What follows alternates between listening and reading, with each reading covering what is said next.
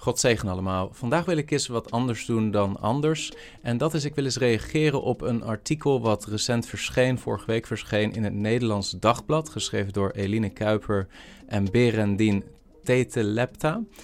Uh, een artikel over Stichting Hartkrij, een stichting waar ik uh, informeel bij betrokken ben, waar ik uh, graag dien, een stichting die ik een warm hart toedraag, verbonden aan Arjan Baan als een van de oprichters daarvan. ik wil dit artikel eens doorlezen en ook laten zien wat dit eigenlijk openbaart aan de tijdsgeest waarin wij leven in onze samenleving. Dus we duiken er meteen samen in.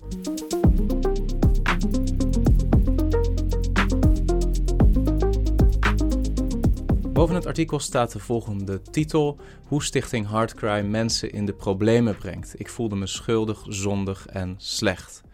We gaan het hele artikel doorlezen. Dat is in dit PDF-bestand waarin ik het hier heb voor mij uh, zo'n 14 pagina's. Ik ga proberen dat snel te doen, maar ik zal af en toe eventjes uh, stilstaan, stoppen met lezen en een stukje analyse doen op datgene wat hier staat. We beginnen meteen bovenaan achtergrond.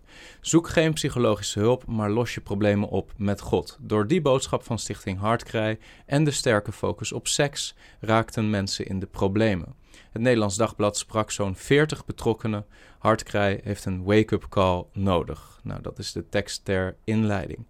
Uh, even vooraf een woord. Uh, wat is mijn betrokkenheid bij Stichting Hartkrij? Ik ben formeel niet betrokken bij de organisatie in de zin van het bestuur. Ik ken veel uh, broeders en ook zusters die betrokken zijn bij deze stichting.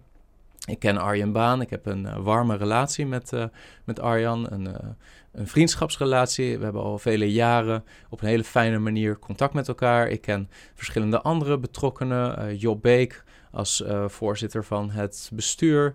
Uh, ik ken mensen die betrokken zijn bij ook Stichting Hebron, zoals Martin Penning, uh, Leander Jansen, et cetera, et cetera. Maar officieel heb ik zelf geen rol in die organisatie. Wel ben ik al een aantal jaar betrokken bij hun conferentie als vertaler. Um, en ik heb dus al wel een aantal jaar een redelijk beeld van de boodschap die wordt uitgedragen door Stichting Hartkrij. Ik denk dat die boodschap al met al sterk bijbels is. Ik ga uh, met veel vreugde jaarlijks naar de Hartkrijconferentie. En vele honderden christenen met mij. Omdat er een Bijbelse boodschap wordt gepredikt. Die weliswaar uh, radicaal is. Die ook echt wel soms uh, zonder compromissen wordt gepredikt vanaf het podium. Maar juist dat is denk ik heel krachtig. En Hartkrij nodigt sprekers uit vanuit de hele wereld, vanuit de Verenigde Staten, vanuit India, mensen als Zack Poonen, mensen als Paul Washer. Uh, afgelopen weekend mocht ik daar ook vertalen, hebben ze Tim Conway uitgenodigd. Uh, kortom, mensen vanuit allerlei ook theologische achtergronden, waarbij Stichting Hartkrij vooral uh, verlangt om de Bijbelse basisboodschap te blijven uitdragen. En dat van geschiedenis uit vooral doet voor uh, jongeren vanuit de gereformeerde traditie. Maar ik denk dat de boodschap die Hartkrij predikt inmiddels veel meer mensen bereikt dan alleen mensen in de Bijbelbelt.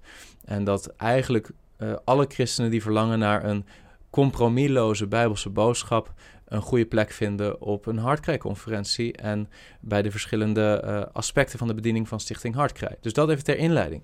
Ik ben betrokken als vertaler al een aantal jaar, dat doe ik met veel plezier, maar formeel gezien heb ik geen uh, positie bij die organisatie. Maar vanuit mijn betrokkenheid bij verschillende personen van Stichting Hartkrij en het feit dat ik die stichting een warm hart toedraag, vond ik het nodig om dit artikel gewoon eens door te lezen en daar ook op te reageren. Want ik herken simpelweg een aantal dingen totaal niet die in dit artikel staan. En de dingen die ik wel herken, daarvan valt mij op dat het eigenlijk meer een bezwaar is tegen de Bijbelse boodschap van het christelijk geloof dan tegen specifiek Stichting Hartkrij. Nou goed, we gaan lezen. We hebben net de inleiding gelezen. We gaan nu lezen uh, het lichaam van de tekst. Daar staat: Hij heeft een psycholoog bezocht. Eindelijk. Een onveilige en instabiele jeugd had sporen bij hem nagelaten. Huiselijk geweld, zijn moeder die met hem en zijn broer wegvluchtte en daarna van depressie in depressie belandde.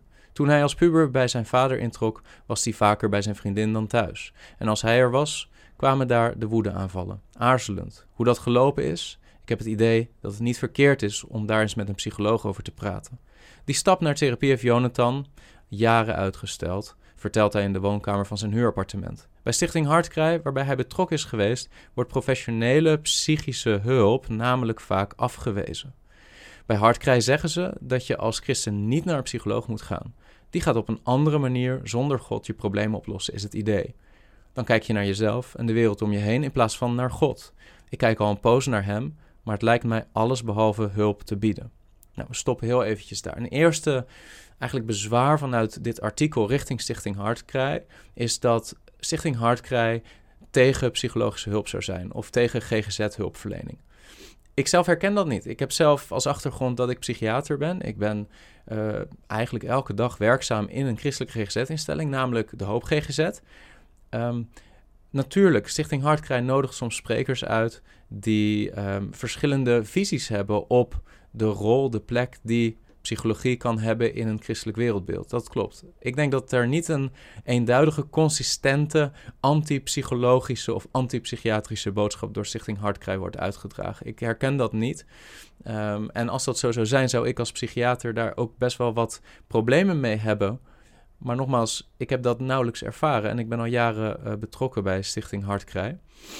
We lezen verder. Jonathan volgde in 2020 een van de twee bijbelscholen die aan Hartkrij verbonden zijn. Gospel Mission in Amerongen, waar deelnemers intern wonen. Gemiddeld volgen zo'n 15 studenten per jaar die bijbelschool, die voorheen in Hilversum zat, onder de naam Gospel for Europe. De parttime Bijbelschool Philadelphia trekt jaarlijks gemiddeld 75 studenten. Naast de Bijbelscholen organiseert Hartkrij conferenties waar duizenden christenen op afkomen. Met name uit reformatorische kring, de hoek van kerkelijk Nederland, waarin Hartkrij onder leiding van Arjen Baan geestelijke vernieuwing wil brengen. Jonathan ervoer echter geen geestelijke vernieuwing, maar kreeg wat hij noemt een geestelijke burn-out. Ik kon geen Bijbel meer aanraken, geen boekjes meer lezen. Ik kon helemaal niks meer hebben van alles wat met het geloof te maken had. In zijn tijd op de Bijbelschool worstelde hij met zijn identiteit, maar hem werd verteld dat hij niet te veel moest inzitten over zijn eigen gevoel, vertelt hij. De bedoeling was je te verdiepen in de persoon van God. Je moest onder de indruk raken van de eigenschappen van God. Als je leert hoe God naar jou kijkt als wedergeboren christen, wordt dat je nieuwe identiteit. Hij herinnert zich talloze pogingen in de mentorgesprekken, het vele bidden en lezen, maar niets kwam binnen. Het lukte niet. En de persoon naast mij had een superrelatie met God en ervoor vrede. Ik had het gevoel dat God helemaal niks tegen me zei of me gewoon liet worstelen. Ik liep vast en op den deur was het gewoon klaar.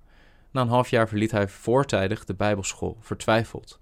Het afwijzen van professionele psychologische hulp in combinatie met de theologie en werkwijze van de stichting maakt dat mensen met psychische problemen bij hartkrijs soms verder afglijden. En dat anderen die geen problemen hadden, die juist kregen. Problemen met hun seksuele ontwikkeling, in hun huwelijk en in hun geloof. Wie wil weten wat Hartkrij voor Stichting is, komt uit bij Arjen Baan. Hij is de oprichter van de stichting en de twee bijbelscholen Gospel Mission en Bijbelschool Philadelphia. En nog altijd directeur en het gezicht van Hartkrij. Dat begon bijna 25 jaar geleden toen Baan avonden ging beleggen voor jongeren uit reformatorische kerken. Die zag hij namelijk worstelen met de vraag: is Gods genade wel voor mij? Veel mensen in de reformatorische wereld blijven hangen in die vraag, vertelt Baan daarover. Oké, het is goed dat dat stukje achtergrond hier ook staat in dit artikel.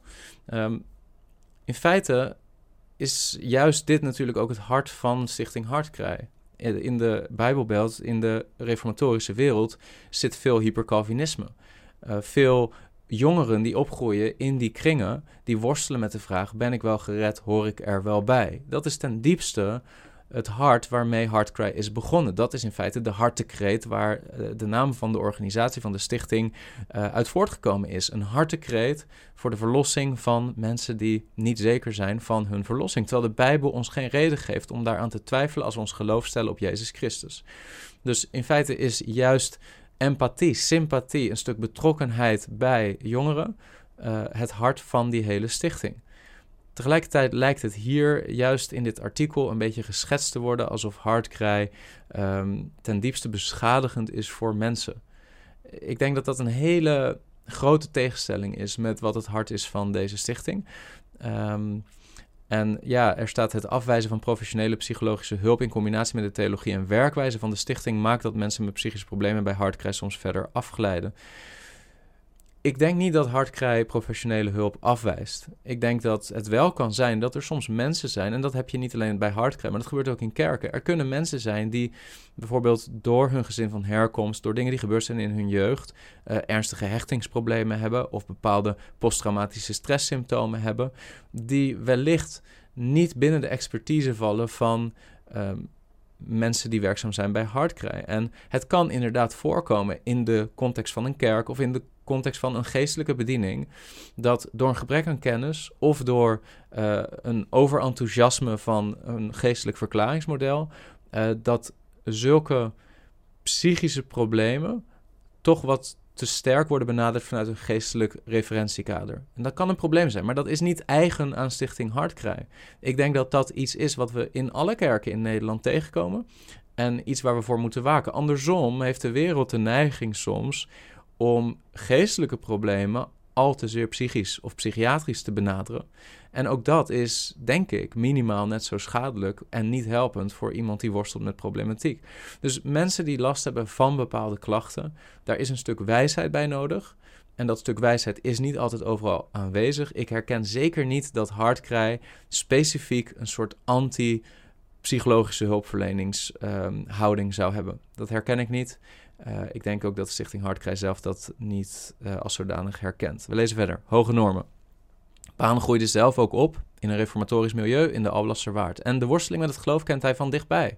Hij heeft jarenlang getwijfeld, vertelt hij in een interview met C Vandaag. Tot hij op aanraden van de Zuid-Afrikaanse dominee Etienne Marits brak met alles wat hij had meegekregen van huis uit. Van dominees, vanuit theologie, voor zover het niet in de Bijbel terug te vinden is. En alleen nog zelf de Bijbel is gaan lezen als een kind, zoals het er staat. Met hartkrij wil hij jongeren vertellen: ja, het evangelie is ook voor jou. Dat is mijn hartekreet. Vandaar de naam hartkrij, nou, zoals ik net al noemde. Maar daar hoort bij, als andere kant van dezelfde medaille, dat je je eigen ego aflegt en overeenkomstig Gods woord gaat leven. Dat betekent levensheiliging. In reformatorische kerken ging het weinig over de vraag hoe het geloof handen en voeten krijgt in je dagelijks leven. Nou, terecht. Ik denk een hele bijbelse uitspraak van Arjan. Dan staat er in dat gat sprong hartkrij. Toen nog Stichting Reformatorisch Appel. De nadruk lag op de thema's geloofzekerheid, huwelijk en gezin, de rol, functie en verantwoordelijkheid van mannen en vrouwen en seksuele reinheid. Die onderwerpen spelen nog altijd een grote rol in het werk van Hartkrij. En de norm op al die vlakken ligt hoog.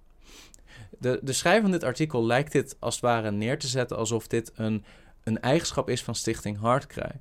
Het probleem is alleen dat dit natuurlijk gewoon een bijbelse eigenschap is. In de nieuwtestamentische leer van de schrift is het inderdaad zo dat wij niet slechts vergeving van zonde ontvangen door de, de dood van de Heer Jezus Christus en zijn opstanding, maar dat hij vervolgens ook de Heilige Geest schenkt aan zijn gemeente. En het patroon van het Nieuwe Testament is dat wij niet alleen de zegen ontvangen die Jezus voor ons heeft betaald aan het kruis, maar dat Jezus ook zegt: wie mij wil volgen, neem zijn kruis op en komen achter mij aan.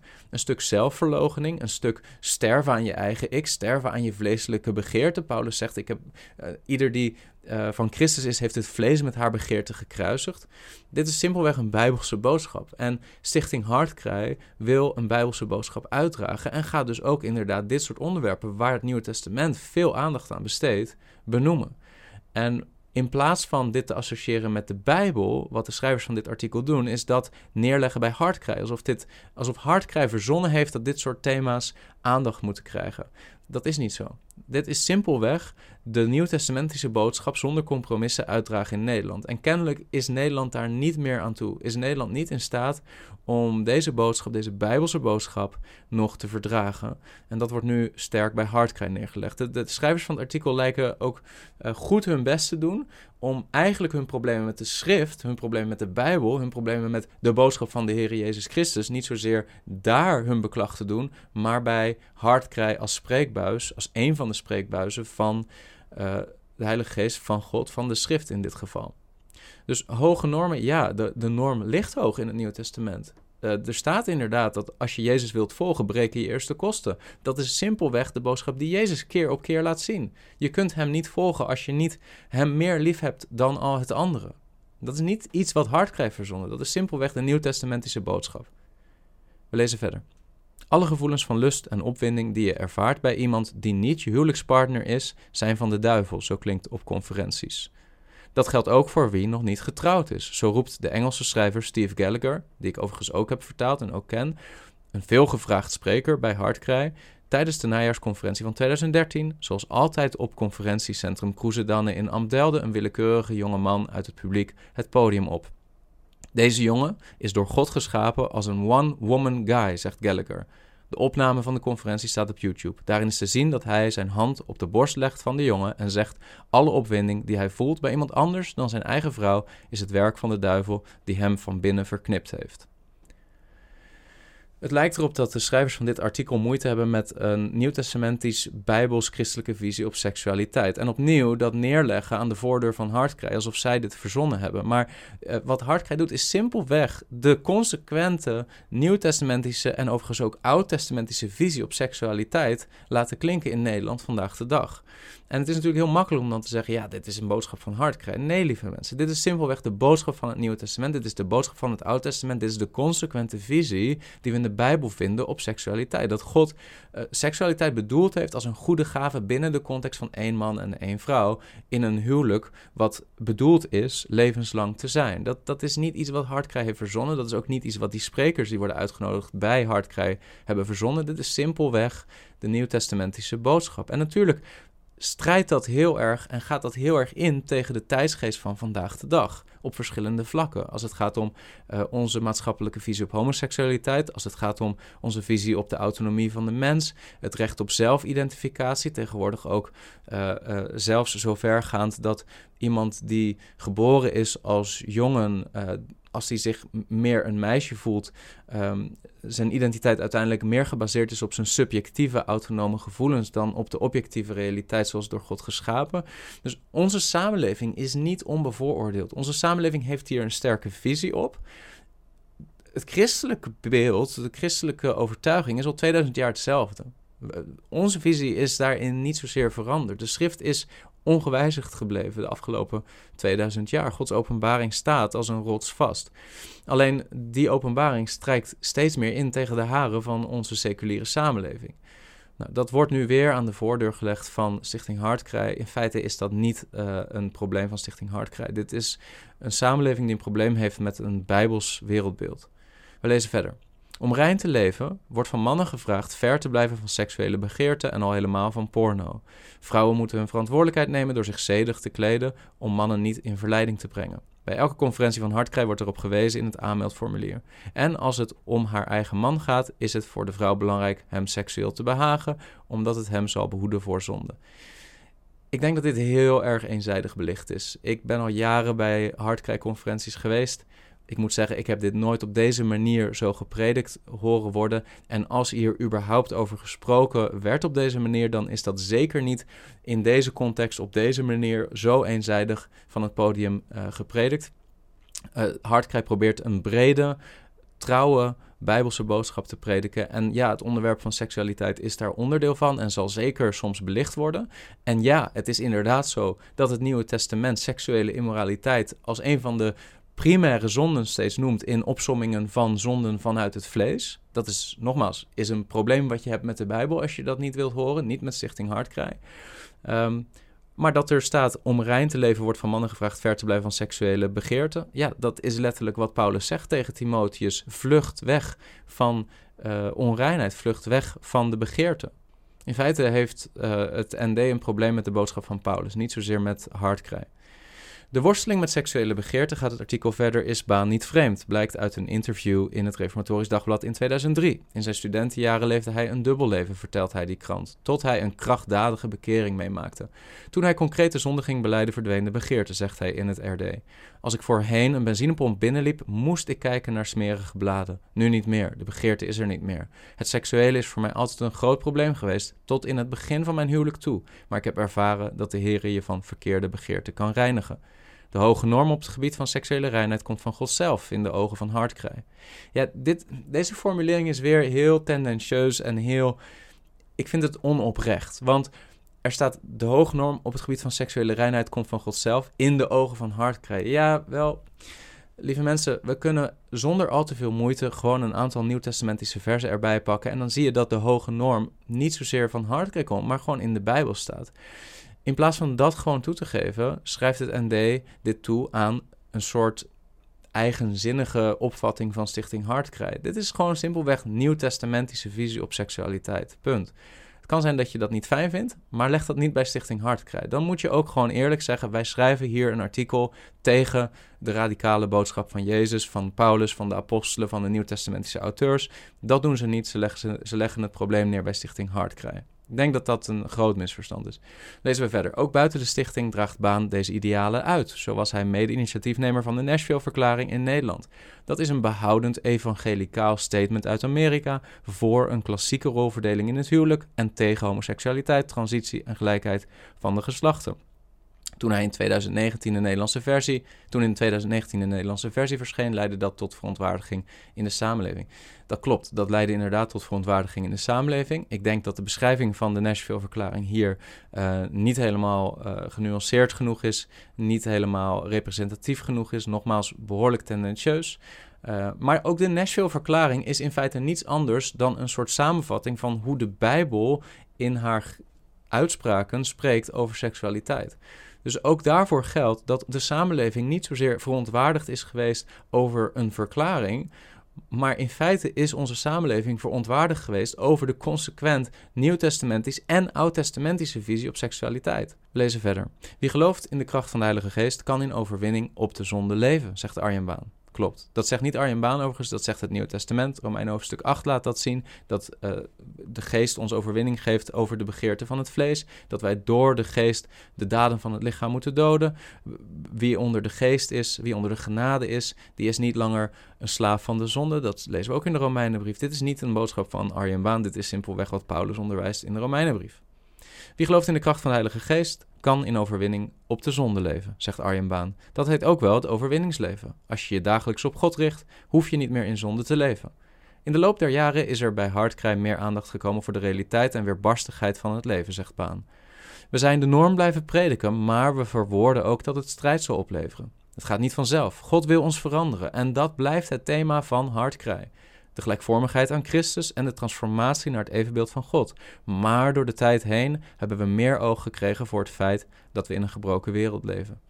Oké, ik denk dat dit heel mooi is. Ik denk dat Arjen hiermee um, ook uh, laat zien dat er wel degelijk zelfreflectief vermogen is bij Stichting Hartkrij. Ze prediken de Bijbelse boodschap. Tegelijkertijd is het ook heel bijbels om te erkennen dat het leven van een christen een strijd is. Dat het gaat met vallen en opstaan. En dat we elkaar, wanneer we zien dat een ander moeite heeft om Jezus te volgen, dat we geroepen zijn elkaar te bemoedigen, elkaar te steunen, elkaar te versterken. Tegelijkertijd, en dat lijkt dan weer het probleem te zijn van het ND, van dit artikel, maar ook van de samenleving om ons heen. Um, is het wel zo dat het Nieuwe Testament laat zien dat we niets moeten afdoen aan de radicale oproep tot bekering en geloof in Jezus Christus en vervolgens het kruis opnemen, hem volgen en het vlees met haar begeerte doden, inclusief alle seksuele begeerten die niet zijn conform Gods wil. Alle zondige verlangens die niet zijn conform Gods wil. Dat is simpelweg de Nieuwtestamentische boodschap. Heeft in feite niets te maken met hartkrij, behalve dat hartkrij die boodschap vandaag de dag door wil geven. Lezen we verder. Hetty Clemens, 36, herinnert zich vooral de hoge norm. Ze kent Jonathan niet, maar ze gebruikt dezelfde term als hij om de gevolgen van de aanpak van hartkrij op haar leven te typeren. Een geestelijke burn-out. Ze was van 2004 tot 2012 onderdeel van de organisatie. Ze speelde in het vaste muziekteam van de conferenties. Ze is te zien op de dvd's die daarvan zijn opgenomen. Mensen wisten wie ik was, dat meisje dat viool speelde. Tot ze ineens uit het muziekteam werd gezet zonder opgave van reden. Ze baalde stevig, al was dat niet de reden dat ze kort daarna vertrok. Ik ben niet bij Hardcry weggegaan omdat het van anderen moest. Ik ben vertrokken omdat de lat daar zo hoog lag. Het was niet haalbaar, terwijl ik zo hard mijn best heb gedaan. Ik geloof nog wel in God, maar er is weinig over van mijn geloofsleven. Ik ben gestopt met bidden en Bijbellezen. Ik werd zo moe van al dat vragen zonder antwoorden te krijgen. Wat vooral leidde tot haar geestelijke burn-out was de manier waarop alles bij Hardcry geestelijk werd benaderd. Alle verleiding en afleiding kwam van de duivel. Uh, ik wil hier heel even stilstaan. Dit is een patroon wat terugkomt in dit artikel. Alsof Stichting Hartkrijg geen onderscheid maakt tussen het werk van de duivel en het werk van de zonde die woont in ons vlees.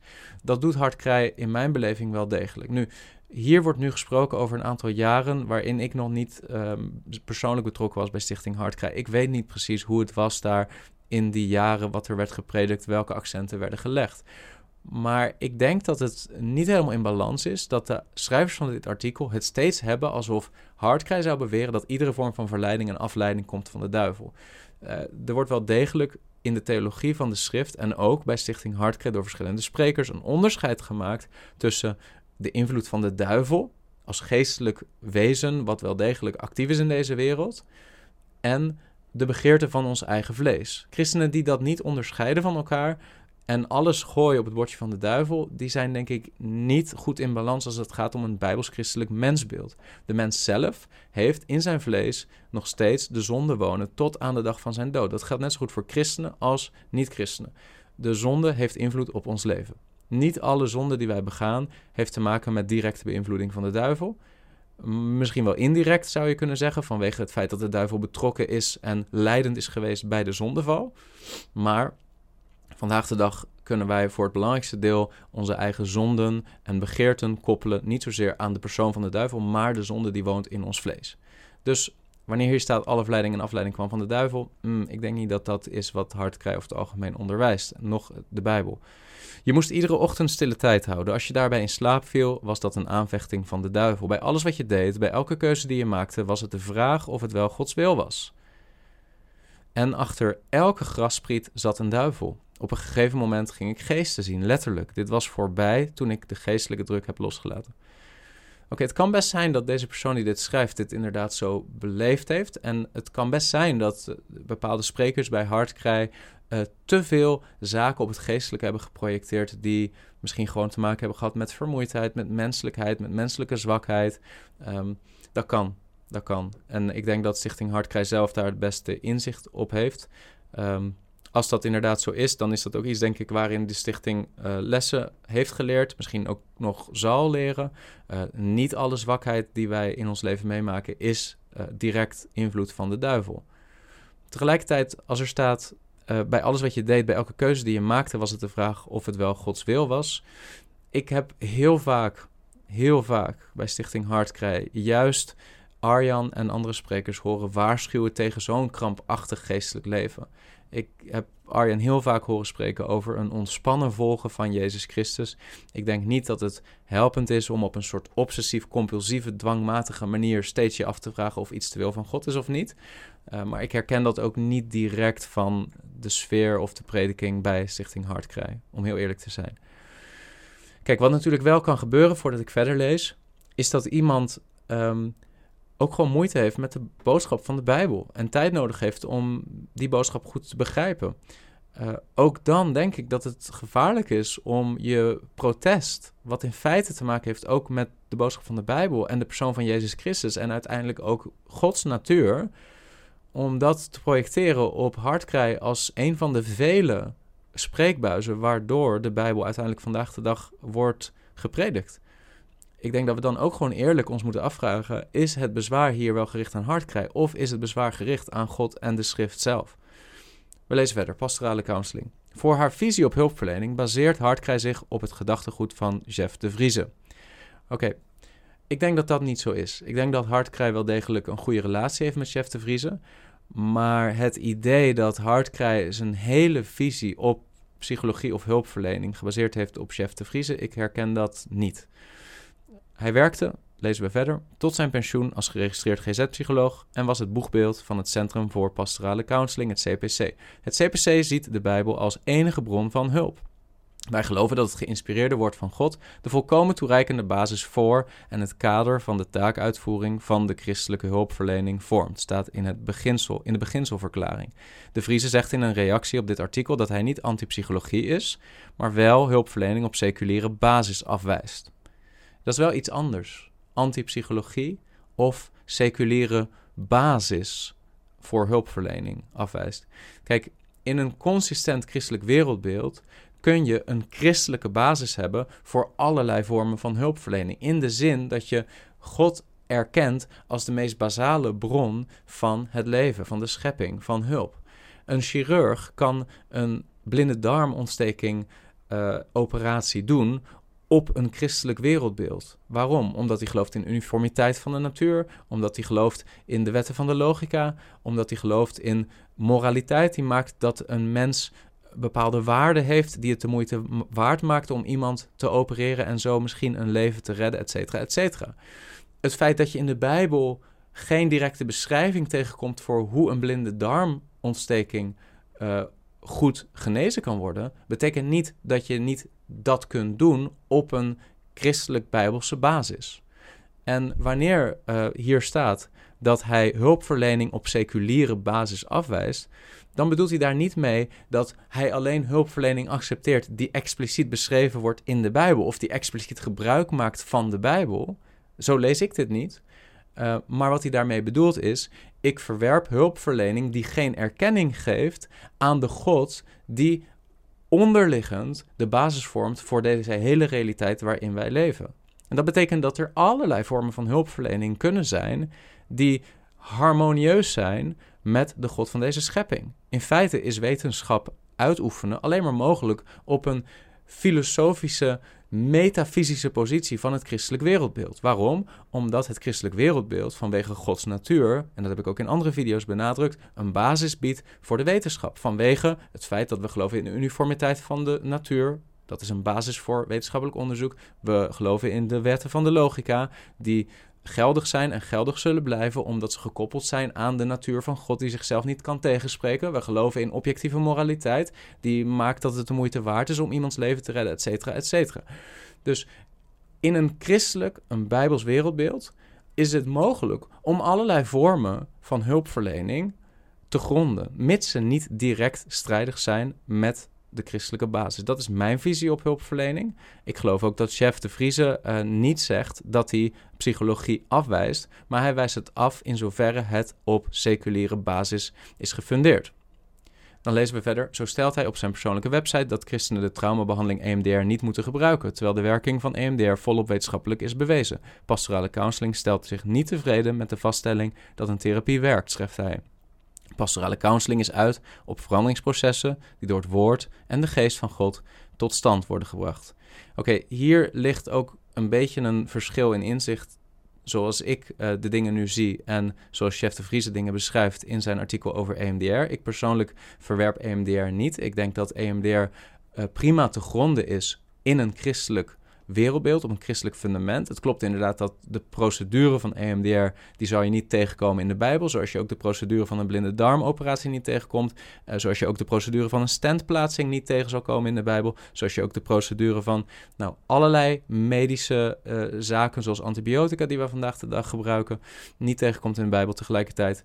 Um, denk ik niet dat er expliciet antichristelijke of onbijbelse principes in EMDR zitten. Dat, er zijn mensen die dat wel denken ik persoonlijk denk dat dat niet zo is. En ik denk ook dat Chef de Vries in zijn artikel best wel genuanceerd is over EMDR. Hij verwijst lang niet alle elementen van EMDR. Er zijn een aantal specifieke zaken die hij wat ingewikkeld vindt en waarbij hij twijfelt of dat het wel bijbels is.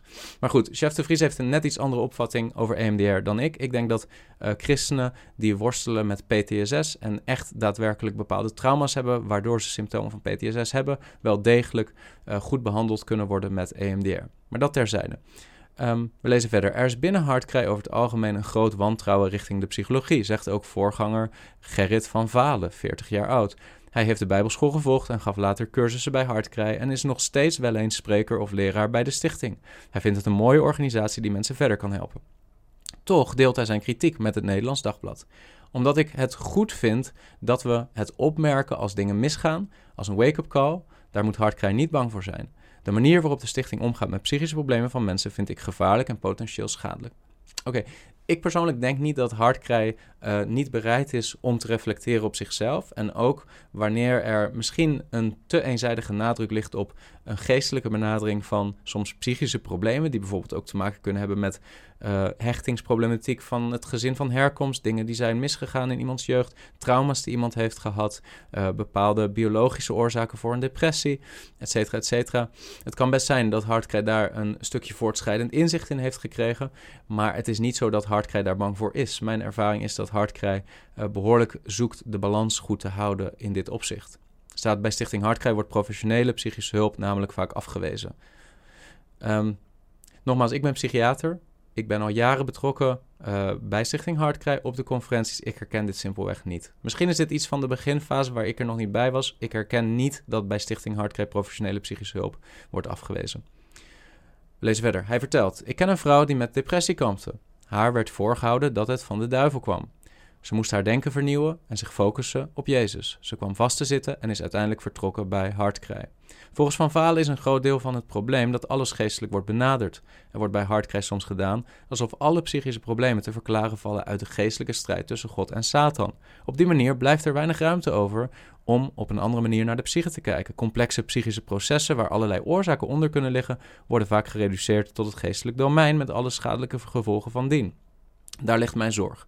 Oké, ik denk dat dat een terechte zorg is. Ik denk dat het uh, kwalijk is wanneer we alle problemen projecteren op het geestelijke. Dat geldt net zo goed voor het lichamelijke. Op het moment dat jij verkouden bent, koorts bent en men zegt dat komt omdat er een demon in je zit, dat is schadelijk. Dat is niet helpend. Uh, daar kom je niet verder mee in je leven om het op die manier te zien. Um, dat nemen we soms ook de Word V-beweging kwalijk, dat ze achter iedere vorm van een lichamelijke kwaal een demon of demonische beïnvloeding zien. De Bijbel geeft geen, oor, geen aanleiding om de dingen zo te zien. Het is gewoon simpelweg complexer dan dat. We leven in een gevallen wereld, een gebroken wereld sinds de zondeval. En er kunnen alle allerlei redenen zijn waarom er ziekte is, waarom er zwakheid is, waarom er gebrokenheid is, die niet direct te maken hebben met demonische beïnvloeding. Zowel in de Bijbel zien we dat als in de realiteit om ons heen. Ik herken alleen niet dat Stichting Hartkrij uh, op een consistente manier alle problemen van het leven, inclusief psychische problemen, koppelt aan demonische beïnvloeding. Het kan zijn dat dat wel soms is gebeurd. En daar moet Hartkrij dan wellicht kritisch op reflecteren. Maar ik herken dat niet van de conferenties waar ik uh, de afgelopen jaren bij betrokken ben geweest, dat dat op zo'n consistente manier steeds gedaan zou worden. We lezen verder, reinheidscultuur. De hoge geestelijke norm waarover ex-betrokkenen spreken komt bij Hartkrij sterk naar voren in hun visie op seksualiteit. Geregeld kiezen stellen die de bijbelschool volgen of naar de conferenties gaan ervoor niet te zoenen voor het huwelijk. Zo ook Henny, 23, en Joost, 24. Beiden wilden alleen met hun voornaam in de krant. Oké. Ik denk dat, nogmaals, nu komen we weer in een ander aspect van dit artikel, waarbij het gaat over de visie van Hartkrij op seksualiteit we moeten beseffen dat de Bijbel een visie heeft op seksualiteit en dat die visie op seksualiteit steeds meer op gespannen voet komt te staan met onze samenleving. Dat is niet omdat de Bijbel een nieuwe visie ontwikkelt, maar dat is omdat onze samenleving hierin verschuift naar een steeds verdergaande, um, ultieme autonome status van een mens om zichzelf te definiëren en zelf keuzes te maken ten aanzien van zijn seksuele uitingsvorm. Dat de Bijbel daar bepaalde kaders voor heeft die voortkomen uit Gods morele visie, zijn standaard op seksualiteit. En hij als schepper heeft het recht om seksualiteit te definiëren voor wat het is, zoals hij het bedoeld heeft. Dat is iets waar onze samenleving steeds meer moeite mee heeft. Maar dat wordt in dit artikel wel heel sterk geprojecteerd op Hartkrij zelf. Hartkrij is simpelweg een plek waar men probeert en tracht zo consequent en bijbels mogelijk Gods richtlijn over seksualiteit te uiten. Dit kun je niet slechts bij de deur van Hartkrij neerleggen. We lezen verder. Uh, trouwens, uh, over uh, dat er een stijl is bij de Bijbelschool en dat er stellen zijn die ervoor kiezen om niet te zoenen voor het huwelijk. De Bijbel is daar niet zo expliciet over. En ik geloof ook niet dat hartkrijt daar zo expliciet over is. Als iemand daar zelf voor kiest, dan mag dat een keuze zijn. Ik denk dat het net zo goed in onze samenleving zo mag zijn dat we elkaar in onze eigen keuzes respecteren. Dat dat ook binnen een Bijbelschool of binnen de context van een stichting gebeurt. Ehm, ik denk niet dat Hardkrij actief zegt dat mensen dat niet zouden moeten doen tot het huwelijk. Mensen moeten daar zelf ook bepaalde keuzes in maken. Als het gaat om uh, seksuele gemeenschap, uitstellen tot het huwelijk, daar is de Bijbel heel duidelijk over. Daar is de Bijbel heel duidelijk over. En dat druist heel erg in tegen onze samenleving. In onze samenleving is het heel normaal dat je op de tweede date of de derde date met elkaar het bed induikt. De Bijbel beschrijft dat als seksuele immoraliteit. En als je dat vervelend vindt, dan is je probleem met de Bijbel, niet met Stichting Hartkrij. We lezen verder. Ze staan in de rij voor een kopje koffie in de ontbijtzaal van conferentiecentrum De Kroezedanen in Amdelden. Het is koud en zonnig als eind oktober 2022 daar de najaarsconferentie wordt gehouden. Ze draagt een rok tot haar enkels met een gesloten truitje en laat hem als man het woord doen. Ze hebben elkaar ontmoet op de Bijbelschool van Hartkrij, die ze net hebben afgerond. We geven elkaar echt wel een hand hoor, lacht hij, maar we vinden het mooi om seks en ook zoenen te bewaren tot het huwelijk en elkaar eerst geestelijk en vriendschappelijk te leren kennen. Dit, dit, wordt beschreven alsof dit een enorm probleem is. Alsof er hier een enorme maatschappelijke crisis gaande is, omdat er een stel is die ervoor kiezen samen om elkaar eerst in hun relatie geestelijk en vriendschappelijk te leren kennen en de fysieke verbinding willen uitstellen tot de dag van hun huwelijk. Ik persoonlijk denk niet dat je dit als een probleem kan positioneren. Dit was vrij gebruikelijk tot ongeveer de afgelopen 100 jaar. was het vrij gebruikelijk en was het eigenlijk in de brede samenleving geaccepteerd als de norm dat het huwelijk het kader vormde voor seksuele gemeenschap en voor verdergaandere lichamelijke intimiteit. Wij vinden het moeilijk vandaag de dag om dat te accepteren, maar laten we wel wezen, in de geschiedenis der dingen, in de geschiedenis van deze wereld, is niet Stichting Hardkrij de vreemde eend in de bijt, maar is de schrijver van het artikel van het ND de vreemde eend in de bijt.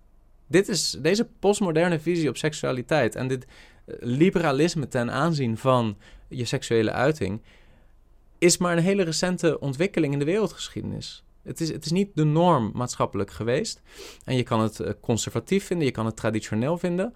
Maar zoals ook vele niet-christelijke conservatieve mensen hebben uitgewezen, is er wel degelijk een een groot voordeel aan wanneer mensen niet al te goedkoop omgaan met hun seksualiteit. En als je daar meer over wil weten, die argumenten, dan wil ik je verwijzen naar Ben Shapiro, niet een christen, naar Jordan Peterson, niet een christen, seculier Jordan Peterson, uh, orthodox Jood Ben Shapiro, die net zo goed uh, met, met argumenten kunnen onderbouwen waarom onze transactionele visie op seksualiteit veel schadelijker is dan de conservatieve visie op seksualiteit. En zeker ook maatschappelijk ontwrichtender. Maar goed, we gaan verder. Het is hun eigen keuze, benadrukken ze. Lang niet iedereen die de Bijbelschool volgt, wacht met zoenen tot het huwelijk, blijkt uit de gesprekken met ex-betrokkenen. En toch is het niet toevallig dat hier op de conferentie van Hardkrij een stelletje rondloopt dat daarnaar streeft. Het past goed bij de visie van Hardkrij op seks, die samen te vatten is met de Engelse term purity culture dit wordt dus geschreven en het wordt niet expliciet gezegd, maar impliciet wordt gesuggereerd dat hardkrij hier een enorm grote bron van problemen is, omdat ze een traditionele christelijke bijbelse visie op seksualiteit uitdragen. En er wordt zelfs erkend in het artikel dat Hardcry die standaard niet oplegt aan mensen, maar dat er mensen zijn op de Hardcry-conferentie die zich associëren met Hardcry, die bepaalde keuzes maken om bepaalde grenzen te stellen aan de manier waarop ze zich seksueel uiten, al dan niet voor het huwelijk. Dat wordt zelfs erkend en nog wordt het hier geframed, neergezet alsof Stichting Hardcry een soort secte is die een hele rare visie heeft op seksualiteit. Terwijl wat zij uitdragen is simpelweg de visie die de Bijbel al 2000 jaar op seksualiteit laat zien. En langer zelfs, als je het Oude Testament meerekent. We lezen verder. Die reinheidscultuur is in Amerika groot geworden door Joshua Harris, schrijver van het boek I Kiss Dating Goodbye uit 1997. Drie jaar later in het Nederlands vertaald als Ongekust en toch geen kikker. Toen Harris ontdekte welke schadelijke effecten zijn boek had op met name vrouwen, nam hij het uit de handel en bood zijn excuses aan. De inhoud van het boek Bijbelse Relatievorming in de 21ste eeuw, uitgegeven door Stichting Hardcry en vast lesmateriaal bij de Bijbelschool, heeft dezelfde boodschap als dat van Harris. In een notendop: In de verkeringstijd leer je elkaar uitsluitend vriendschappelijk en geestelijk kennen. Zoenen is gevaarlijk, want dat leidt al snel tot seks. Ontmoet elkaar daarom bij voorkeur waar anderen bij zijn en wacht niet onnodig lang met trouwen. Hoewel het nergens expliciet wordt geleerd, zijn er geregeld jonge stellen bij Hartkrij die ervoor kiezen niet te zoenen voor hun trouwen. Dat is het ideaal, vertelt Bart Bolhuis, 24 jaar oud, die in 2016 de Bijbelschool volgde. En ook Thomas, die in 2011 betrokken raakte bij Hartkrij en daar zijn vrouw ontmoette, zegt: Binnen Hartkrij kregen wij het idee dat we niet met elkaar mochten zoenen nu we een relatie hadden. Maar mijn vriendin wilde niet van 0 naar 100 in de huwelijksnacht, dus hebben we ons er niet aan gehouden omdat wij als stijl een andere keus maakten, werd ons het gevoel gegeven dat we niet echt toegewijd waren aan het geloof. Ik was er niet bij, ik kan dat niet uh, onderbouwen, ik kan dat niet ontkennen. Ik, ik weet niet precies uh, waar uh, deze Thomas, en ik denk niet dat dat de echte naam is, want er staat een sterretje naast zijn naam. ik denk niet dat dat um, zijn echte naam is ik was daar niet bij. Ik weet niet precies hoe daarmee om is gegaan. En het kan soms zijn dat er een bepaalde sfeer ontstaat onder christenen, waarin inderdaad men wat fariseïstisch wordt of wat legalistisch wordt. De realiteit is dat de Bijbel simpelweg niet zegt dat je niet zou mogen zoenen voor het huwelijk. Tegelijkertijd is de Bijbel wel weer duidelijk over seksuele gemeenschap uh, en seksuele handelingen die verder gaan dan dat, dat die thuis horen binnen het huwelijk.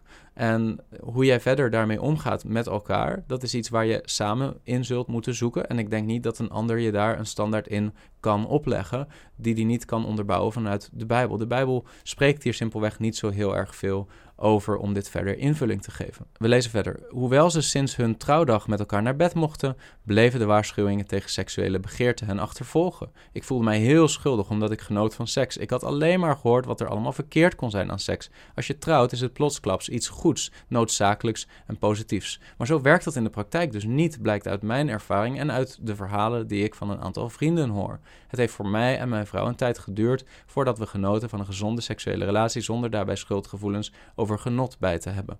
Dat deze reinheidscultus leidt tot gevoelens van schaamte en schuld is in Amerika al langer bekend. Daar zijn therapeuten die zich hebben gespecialiseerd in hulp aan mensen die in huwelijksproblemen zijn geraakt door purity culture. Waar het bij mannen vaak de schuldgevoelens zijn die hun parten spelen, is het voor vrouwen buitengewoon ingewikkeld om een eigen seksualiteit te ontwikkelen. Waar een vrouw tot het huwelijk altijd bezig is mannen vooral niet in verleiding te brengen, is het binnen het huwelijk haar verantwoordelijkheid om hem voldoende te bevredigen om te voorkomen dat hij naar porno grijpt of vreemd gaat. Dit is opnieuw, dit is een heel eenzijdige manier om dingen te belichten en ook ik denk dat dit onoprecht is om de dingen op deze manier te beschrijven. Ik denk dat uh, en net zo goed de Bijbel uh, niet de verantwoordelijkheid neerlegt bij de vrouw om te voorkomen dat haar man naar porno grijpt of vreemd gaat. Nee, dat is de verantwoordelijkheid van de man. Het is de verantwoordelijkheid van de man zelf om trouw te zijn aan zijn vrouw en trouw te zijn in de manier waarop hij omgaat met zijn ogen. Niet te gaan kijken naar pornografie, want dat is uiteindelijk overspel in het hart plegen. Dat is wat Jezus onderwijst in Matthäus hoofdstuk 5. Niet vreemd te gaan, dat is iets wat in de tien geboden al wordt genoemd. Niet echt preken, niet overspel plegen. Dit zijn simpelweg de normale morele voorschriften vanuit de Bijbel, vanuit het Oude Testament en vanuit het Nieuwe Testament. Die niet alleen door het christendom worden uitgedragen, maar ook door het Jodendom en zelfs door de islam.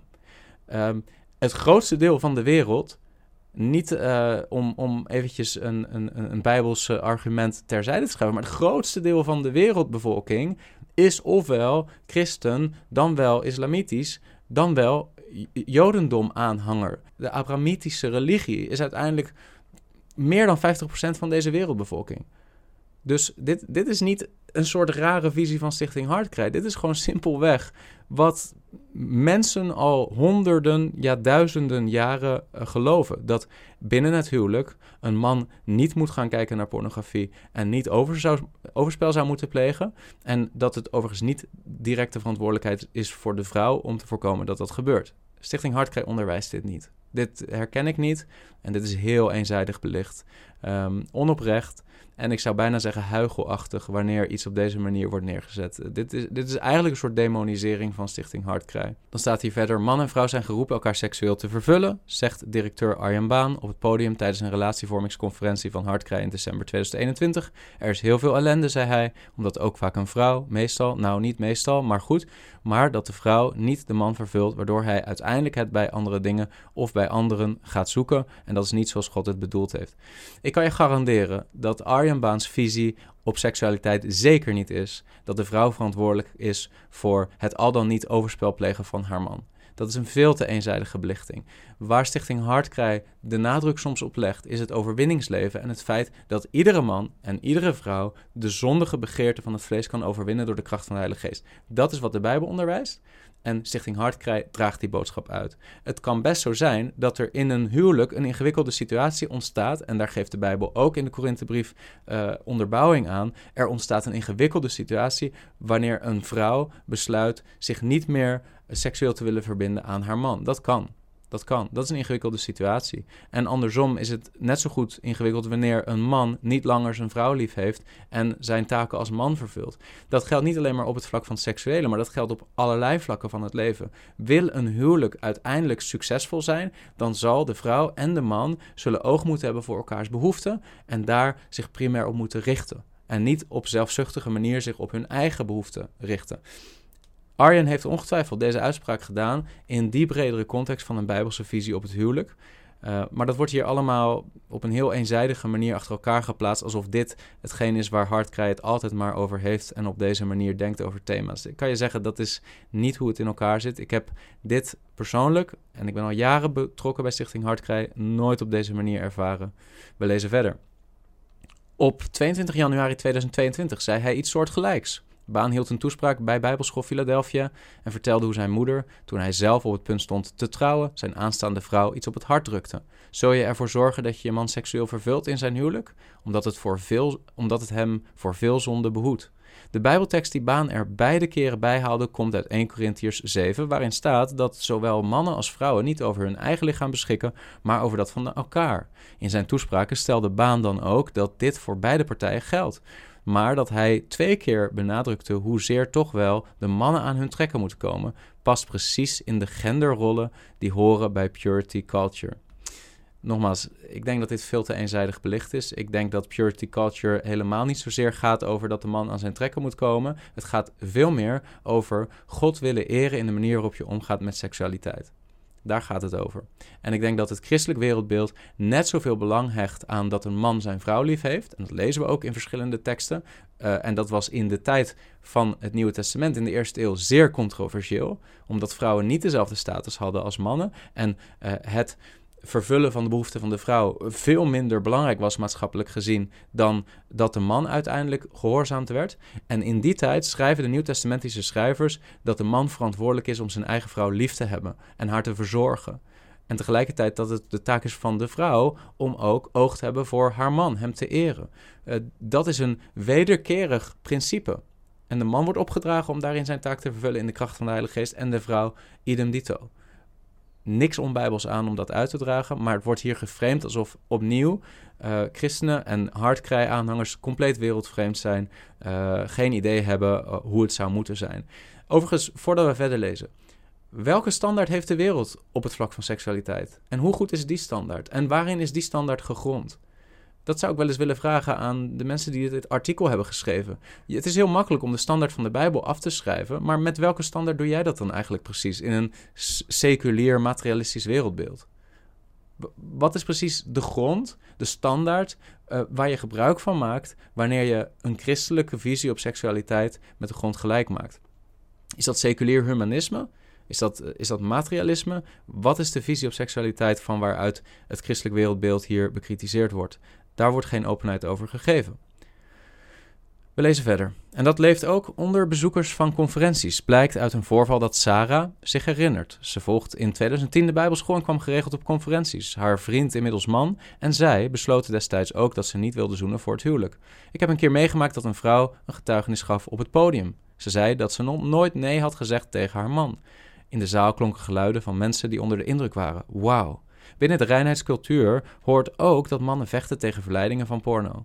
Dat is gemeengoed binnen het christendom, maar bij hardkrij is het de hoge lat die voor problemen zorgt. Mannen getuigen vanaf het podium dat ze sinds hun bekering helemaal vrij zijn van de aanvechting om porno te kijken en dat zelfs alle pornografische beelden die ze ooit gezien hebben uit hun hoofd zijn gewist. Het doet jongens in de zaal aan zichzelf twijfelen, blijkt uit hun verhalen. Geloof ik dan niet goed genoeg? Ja, nogmaals, ehm, wij leven, zoals ik in een video twee weken geleden alles heb benoemd, wij leven in een tijd waarin pornografie een enorme ehm, beschikbare aspect is geworden en veel mannen inderdaad worstelen met pornografie. Maar dat betekent niet dat onze huidige maatschappelijke toestand en het feit dat er zoveel mannen zijn die zonder enige gewetensbezwaren kijken naar pornografie, dat dat opeens nu de nieuwe norm is geworden en dat christenen hun Bijbel moeten aanpassen. Christenen hebben een andere visie op seksualiteit. Christenen geloven dat Gods Heilige Geest de kracht geeft om te leven conform Gods wil en dat seksualiteit een plaats zou moeten hebben die God bedacht heeft voor seksualiteit. Punt. Christenen gaan zich niet als zij bijbels willen zijn, conformeren aan het drijfzand van de opvattingen van deze wereld op dit onderwerp. En nu kan dit opnieuw wel heel sterk bij hardcry neergelegd worden, maar in feite doen ze niks anders dan de nieuwtestamentische boodschap op seksualiteit uitdragen. Als jij en ik nu gewoon simpelweg alle teksten over seksualiteit van het Nieuwe Testament op een rij zouden zetten en daarna zouden kijken, dan zou het ND net zo goed een probleemartikel kunnen schrijven over een bijbelse visie op seksualiteit. In plaats daarvan wordt het nu aan de voeten van hardcry neergelegd. Wordt het aan de voordeur van hardcry neergelegd. Ik wil je hiervoor waarschuwen dit is niet de partij waarmee je het probleem hebt. Het probleem wat je hebt is met God en met Christus en met zijn woord.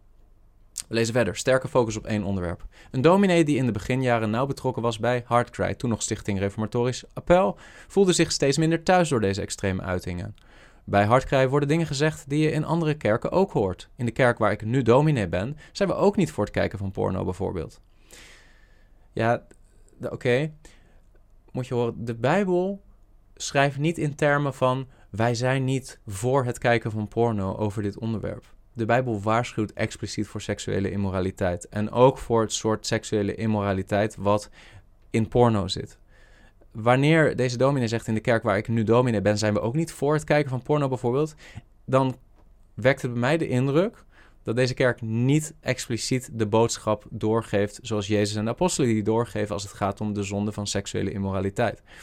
Maar goed, dit wordt opnieuw weer bij Hartkrij neergelegd. Er staat, maar Hartkrij heeft zo'n sterke focus op één onderwerp dat het extreem wordt en mensen in de knoop komen. De leer is dat we nu al heilig zijn en vrij van zonde, waarmee we dus moeten streven naar perfectie. Hartkrij heeft dit nooit onderwezen. Hartkrij heeft nooit onderwezen dat wij nu al vrij zijn van zonde. Vrij van zonde in de zin van wij zijn vrijgemaakt en wij hoeven niet een slaaf meer te zijn van de zonde. Sterker nog, de Bijbel zegt in de Romeinenbrief: U bent niet langer onder de wet, maar onder de genade, dus de zonde zal niet langer over u heersen. Stichting Hartkrij zal nooit onderwezen hebben dat we nu al in een staat van zondeloze perfectie leven. Dat is onbijbels en dat is niet de praktische waarheid waar christenen zich in bevinden. Maar, en dat is wat het Nieuwe Testament wel onderwijst, wij moeten inderdaad streven naar een heilig leven. Wij moeten door de kracht van de geest de daden van het lichaam doden, lezen we in de Romeinenbrief. Ehm, we lezen verder. Deze dominee zegt: In dat streven wordt de schade veroorzaakt, omdat het uiteraard niet lukt bij mensen. Omdat het uiteraard niet lukt bij mensen. De Bijbel zegt dat het wel lukt. De Bijbel zegt dat het mogelijk is om vrij van zonde te leven. En nogmaals, we zullen alles struikelen, maar als leefstijl, als dagelijkse norm in ons leven, mogen we verwachten dat de Heilige Geest in toenemende mate ons vrijheid geeft van zonde in ons praktisch dagelijks leven. En we zullen, zolang we leven op aarde, nooit zonderloos perfectie, zonderloze perfectie bereiken. Maar we mogen wel verwachten dat er een groei is in overwinning over zonde. En dat is precies wat Hartkrij predikt. En dat lijkt Hartkrij hier kwalijk genomen te worden. Nogmaals, het probleem is niet met Hartkrij, het probleem is met nieuwtestamentische theologie. We lezen verder. Mensen die de Bijbelschool volgen, wordt gevraagd mee te doen in zogeheten accountability groepjes. Daarin delen ze met elkaar welke zonden ze hebben begaan. Ook in mentorgesprekken is er veel ruimte voor het delen van misstappen. Ja, dat is in principe een Bijbels principe. Beleid elkaar uw zonde. Ehm, de manier waarop je daaraan vorm geeft in een Bijbelschool, uh, dat kan ter discussie staan. Daar is de Bijbel niet expliciet over. En het kan best zijn dat daar niet altijd even wijs mee omgegaan wordt. Tegelijkertijd is het de keuze van mensen zelf om onderdeel te zijn van zo'n accountability groep als ze dat willen. Het kan soms ook helpen om vrij te komen van zonde. We lezen verder. Bij jongens en mannen komt dat vaak neer op de vraag of ze wel of niet aan zelfbevrediging hadden gedaan, vertelt Bolhuis. Dat werd voor mij het hoofdthema van mijn geloof. Mijn hele spiritualiteit concentreerde zich rond de strijd om niet seksueel actief te zijn. Mijn geestelijke staat werd afgemeten aan de vraag of ik aan zelfbevrediging had gedaan. Telkens als het mis was gegaan, biechtte hij dat op aan zijn mentor, tot hij dat een keer niet wilde. Het is op zich goed om dingen op te biechten, maar ik had er een keer geen zin in, omdat ik de keer daarvoor zo vroom was geweest en we ervoor hadden gebeden. Dus ik durfde niet te vertellen dat ik toch weer in de fout was gegaan. Maar toen ik daarna op mijn kamer zat, werd ik gek. Ik was zondig omdat ik gelogen had. Ik hield de schijn op. Twee nachten heb ik niet kunnen slapen, waarna ik het toch heb opgebiecht. Ja, goed, dit kan natuurlijk neergelegd worden bij uh, een bijbelschool of bij een dynamiek waarbij je ervoor kiest met elkaar om elkaar je zonde te beleiden. Bijbels gezien denk ik dat iemand hier vooral moeite heeft met zijn eigen geweten. En ik denk niet per se dat dat geweten hier geconditioneerd is door een onbijbels principe, maar eerder gewoon door een bijbelse visie op seksualiteit. Dus laten we dan ook eerlijk zijn en zeggen: dit heeft te maken met problemen die mensen hebben met de Bijbel en niet zozeer met Stichting Hartkrij. We lezen verder. Zijn mentor reageerde heel aardig, vertelt Bolhuis. Toch kijkt hij met een zekere bitterheid terug op zijn tijd bij de Bijbelschool. De sterke focus op reinheid, de druk om te biechten, seksualiteit werd veel te groot gemaakt. Dat kan. Dat kan, dat dat te groot gemaakt wordt. Um, de andere kant, als mensen daarmee worstelen en ervoor kiezen om samen in een accountability groep te zitten, ja, dan wordt het vanzelf ook door jezelf groot gemaakt. Dus dat is ook een keuze die je zelf maakt daarin. Verder wordt gezegd, mijn seksualiteit was mijn zaak. Dat ging mijn mentor, een man die veel ouder was, helemaal niks aan. Het was zijn zaak niet. Ik denk dat het ongezond is voor een 17-jarige jongen om zoiets kwetsbaars onder geestelijke druk open op tafel te moeten leggen.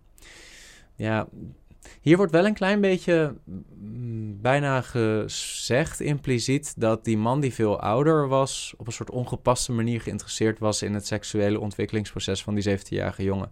Ik vind dat kwalijk. Ik denk namelijk dat dat totaal niet de achtergrond of de context was. Ehm, en ik denk ook eerlijk gezegd dat er helemaal niet zoveel dwang was. Misschien heeft deze persoon dat wel zo beleefd en ervaren. De vraag is alleen wel of dat, dat dan hard kwalijk te nemen valt. Of dat iemand zelf daarin misschien ook een keuze maakt om te zeggen: ik wil deel uitmaken van een accountability groep. En vervolgens pas later echt de consequenties daarvan uh, begrijpt. Er zijn genoeg mensen die wel heel sterk geholpen zijn door zo'n accountability groep. Dus uh, om nou te zeggen dat dat de wortel is van al het kwaad, lijkt mij ook een beetje uit de context. We lezen verder. Daarna heeft hij moeite gehad met zijn seksuele ontwikkeling. Hij voelde zich schuldig, zondig en slecht. Bijvoorbeeld toen hij een relatie kreeg met een meisje met wie hij al gezoend had. Ook schaamt hij zich voor de denkbeelden die hij destijds had over de rollen van mannen en vrouwen. Het is heel erg, maar ik heb zelfs een keer gezegd dat, het geen, dat ik het geen gek idee zou vinden als vrouwen geen stemrecht zouden hebben. Dat gaat heel ver, maar daar kon je gewoon over discussiëren. Nu schaam ik me daar diep voor. Ja, dat is ook niet iets wat we terugvinden in de Bijbel op die manier. Dus um, in dit geval beschrijft uh, Bolhuis heel uh, eerlijk, denk ik, zijn ontwikkelingsproces hierin. Maar ik denk dat het nogmaals te ver gaat om dat als een bezwaar bij Stichting Hardkrijg neer te leggen. Dit zijn gewoon christenen die zoekende zijn hoe ze de Bijbel vandaag de dag kunnen toepassen. Dat de reinheidscultus, lezen we verder, de hoge geestelijke standaard en de afwijzing van psychologie mensen in de problemen brengt, is voor baan geen reden om van koers te wijzigen. Nee, ja, ik denk dat dat ook niet een reden zou moeten zijn om van koers te wijzigen, omdat dat niet is wat hier speelt. Ik denk dat er niet zo sterk een reinheidscultus is. En zover dat die er is, is het op grond van duidelijke Bijbelse Nieuwtestamentische geboden. De hoge geestelijke standaard is simpelweg Nieuwtestamentisch onderbouwd. Jezus heeft een hoge geestelijke standaard. Wanneer we daaraan afdoen, sluiten we compromissen met ons geloof. En de afwijzing van psychologie is simpelweg niet wat er plaatsvindt in Stichting Hartkrijg. Dat ligt veel genuanceerder. Dus ja, er is geen reden in die zin voor Baan om van koers te wijzigen. De norm is door God ingesteld, zegt Baan. Dus die kunnen we niet omlaag halen. Als je daarover spreekt binnen een cultuur van genade, kunnen mensen enorm geholpen zijn. We zijn niet primair bezig mensen regels op te leggen, maar we willen hen Gods karakter voorhouden en zijn concept van relaties. Dat Hartkrij mensen afraadt psychologische hulp te zoeken, ontkent Baan. Hij zegt dat het eerste advies altijd is contact op te nemen met de voorganger van de eigen kerk en dat mensen bij Hartkrij geregeld ruggespraak hebben met een arts of psycholoog. Maar, zegt Baan, psychologie kan haar doel voorbij schieten. Als iemand op psychologisch niveau weer lekker in zijn vel zit en uit de depressie komt, zijn we daar enorm dankbaar voor. Maar ons verlangen is dat iemand de verbinding met God weer maakt. En als dat niet gebeurt, kan de therapie het hogere doel missen. Ik lees hier helemaal niets in de woorden van Arjen Baan van een afwijzing van alle psychologie. Terwijl in het artikel tot op heden steeds gesuggereerd is dat Hartkrij als geheel psychologische hulp afwijst of daar heel kritisch over is. In de directe woorden van Arjan lees ik dat niet volgens mij geeft die psychologie precies de plek die het zou moeten hebben in een christelijk wereldbeeld. Namelijk als ondersteunend, maar wel uh, toepasbaar binnen de context en gefundeerd op bijbelse principes. Nogmaals, betekent niet dat alles wat psychologische hulp is of zou moeten zijn, expliciet beschreven zou moeten staan in de Bijbel. Net als dat dat niet geldt voor insuline toepassen bij de zorg voor diabetes. Terwijl het onderliggend mensbeeld van de Bijbel wel heel onderbouwend is om dat te doen. Waarom? Omdat de Bijbel laat zien dat de mens geschapen is naar Gods beeld en daardoor intrinsieke waarde heeft en daardoor de moeite waard is om te redden. Hoe je dat precies grondt binnen een materialistisch wereldbeeld, weet ik niet. Is heel pragmatisch. Waarom zou een mens gered moeten worden door hem insuline toe te dienen?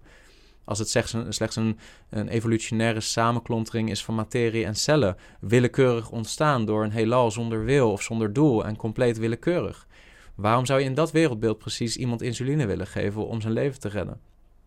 Maar goed, nogmaals, heel veel christenen en uh, niet christenen, maar heel veel mensen in onze samenleving vandaag de dag uh, zijn niet gelovig of beleiden niet christen te zijn, maar lenen heel sterk uit hun christelijk wereldbeeld om hun dagelijks leven op een consequente manier vorm te geven. Heel, heel veel mensen in onze samenleving geloven dat je mensen leven zou moeten redden met insuline of dat je mensen zou moeten helpen als ze psychische klachten hebben. Terwijl eigenlijk een evolutionair materialistisch wereldbeeld niet zo heel erg logisch maakt dat dat nodig zou zijn. In de natuur zien we dat ook niet gebeuren. Als, als een dier wordt verslonden door een ander dier, dan gaan we ook niet een soort dag van nationale rouw houden of een grote tragedie als volk met elkaar beleven omdat er een dier is overleden. Dan zeggen we simpelweg, ja, dat is de natuur. De natuur is hard. Wij mensen hebben daar een hele andere visie op voor elkaar. We vinden het belangrijk dat we elkaars leven redden met insuline of met psychologische hulp. Is ook zo. Maar ten diepste is dat, geeft dat blijk van een christelijk wereldbeeld, wat we zonder dat we dat willen beleiden, wel degelijk benutten in ons pragmatisch dagelijks leven. Dat terzijde, we lezen verder. Uit de tientallen gesprekken die het Nederlands Dagblad voerde met ex-betrokkenen bij Stichting Hartkrij en betrokkenen van Stichting Hartkrij, blijkt dat de stichting veel betekent voor reformatorische christenen. Het is een plek waar ze de boodschap ontvangen dat het geloof ook voor hen waar is, waar bovendien concreet in niet bedekkende termen wordt gesproken over zonden. Tegelijk zijn er getuigenissen van mensen die er beschadigd vandaan komen. Als Arjen Baan met die verhalen geconfronteerd wordt, zegt hij: een preek komt bij iedereen weer anders aan. Dat heeft ook iets subjectiefs. Er zijn ook jongeren die het wel als veilig hebben ervaren. En als ze ermee vastlopen, dan hoop ik dat ze later nog eens terugkomen om dat te zeggen. Ik denk dat wij vergeleken met de beginperiode voldoende veiligheid hebben gecreëerd om dat bespreekbaar te maken. Ik denk dat Arjan hier heel eerlijk aangeeft dat Hartkrij een ontwikkelingsproces heeft doorgemaakt hierin. Uh, ik denk dat het heel mooi is dat hij daar een stukje kwetsbaarheid en reflectie laat zien. Een paar maanden na het gesprek met het Nederlands Dagblad laat Jonathan weten dat het goed met hem gaat. Ik heb een ommekeer beleefd in mijn geloofsleven. Ik ben tot inzichten gekomen rondom mijn identiteit en heb ontdekt dat zelfwaarde belangrijk wordt en niet klein moet worden gehouden. Ja, um, Jonathan. Maar het punt is dat zelfwaarde belangrijk is binnen een christelijk wereldbeeld, niet binnen een niet-bijbels wereldbeeld. Zelfwaarde in het um, evolutionair materialistisch wereldbeeld is volstrekt uit de lucht gegrepen. Ehm, dus ik ben blij dat je tot deze positie bent gekomen. En ik hoop dat je ook ziet dat die positie eigenlijk alleen maar consistent is met een Bijbels wereldbeeld. En niet met een seculier wereldbeeld. We lezen verder. Jonathan, Thomas en Sarah heten in werkelijkheid anders. Hun namen zijn bekend bij de redactie van het Nederlands Dagblad. Over dit onderzoek, voor dit artikel, sprak het Nederlands Dagblad met zo'n 40 mensen die betrokken zijn of zijn geweest bij Stichting Hartkrij. Het gaat om mensen die bij de laatste conferentie aanwezig waren, mensen die in de beginjaren betrokken waren bij de stichting en anderen die in de afgelopen jaren geregeld conferenties bezochten of een bijbelschool volgden. Daar zaten getuigenissen bij van mensen die zeggen zelf door Hartkrij beschadigd te zijn geraakt. Anderen bevestigen dat ze dit hebben zien gebeuren. Een deel sprak positief over de stichting. We raadpleegden daarnaast artikelen op websites die aan Hartkrij geleerd zijn, boeken die de stichting uitgaf en videoopnamen van conferenties en studiedagen. De namen van anoniem geciteerde betrokkenen zijn bekend bij de redactie. Er waren ook betrokkenen die hun verhaal deelden, maar dit niet in het artikel verwerkt wilden hebben, ook niet anoniem. Dat is het einde van het artikel. Nogmaals, kort samenvattend. Ik denk dat dit artikel ten diepste, als we eerlijk zijn, niet zozeer een artikel is wat geschreven is tegen Stichting Hartkrij, maar ik denk dat dit artikel een vrucht is van de samenleving waarin wij leven, de postmoderne maatschappelijke opvatting dat menselijke autonomie uiteindelijk de grootste waarde zou moeten zijn en dat een standaard buiten de mens zelf en zijn opvattingen over zichzelf um, toepassen en uitdragen, zoals Stichting Hartkrij dat doet, door gewoon simpelweg te prediken wat de Bijbel predikt, te prediken wat Jezus onderwijst, te prediken wat het Oude Testament leert ten aanzien van Gods morele standaard in de wet van Mozes, te prediken wat de apostelen predikten, te prediken wat alle nieuwtestamentische auteurs uitdroegen. In de tijd waarin wij leven, is dit de grote botsing die ontstaat. Onze postmoderne samenleving, Stichting Hartkrij, als een soort spreekbuis van concepten, van principes, van een boodschap die al 2000 jaar op dezelfde manier teruggevonden kan worden in de schrift. Um, ten diepste gaat dit artikel denk ik niet over Stichting Hartkrij. Tuurlijk, Stichting Hartkrij moet kritisch kijken of dat er misschien dingen zijn in dit artikel die waar zijn en waarin ze mogen groeien. En ik geloof ook dat ze dat doen. Maar we moeten met z'n allen ook niet doen al te naïef alsof de schrijvers van dit artikel niet ook een wereldbeeld hebben, niet ook een bepaalde visie hebben en dat impliciet zien als de grote norm en hard leggen langs die maatstaf.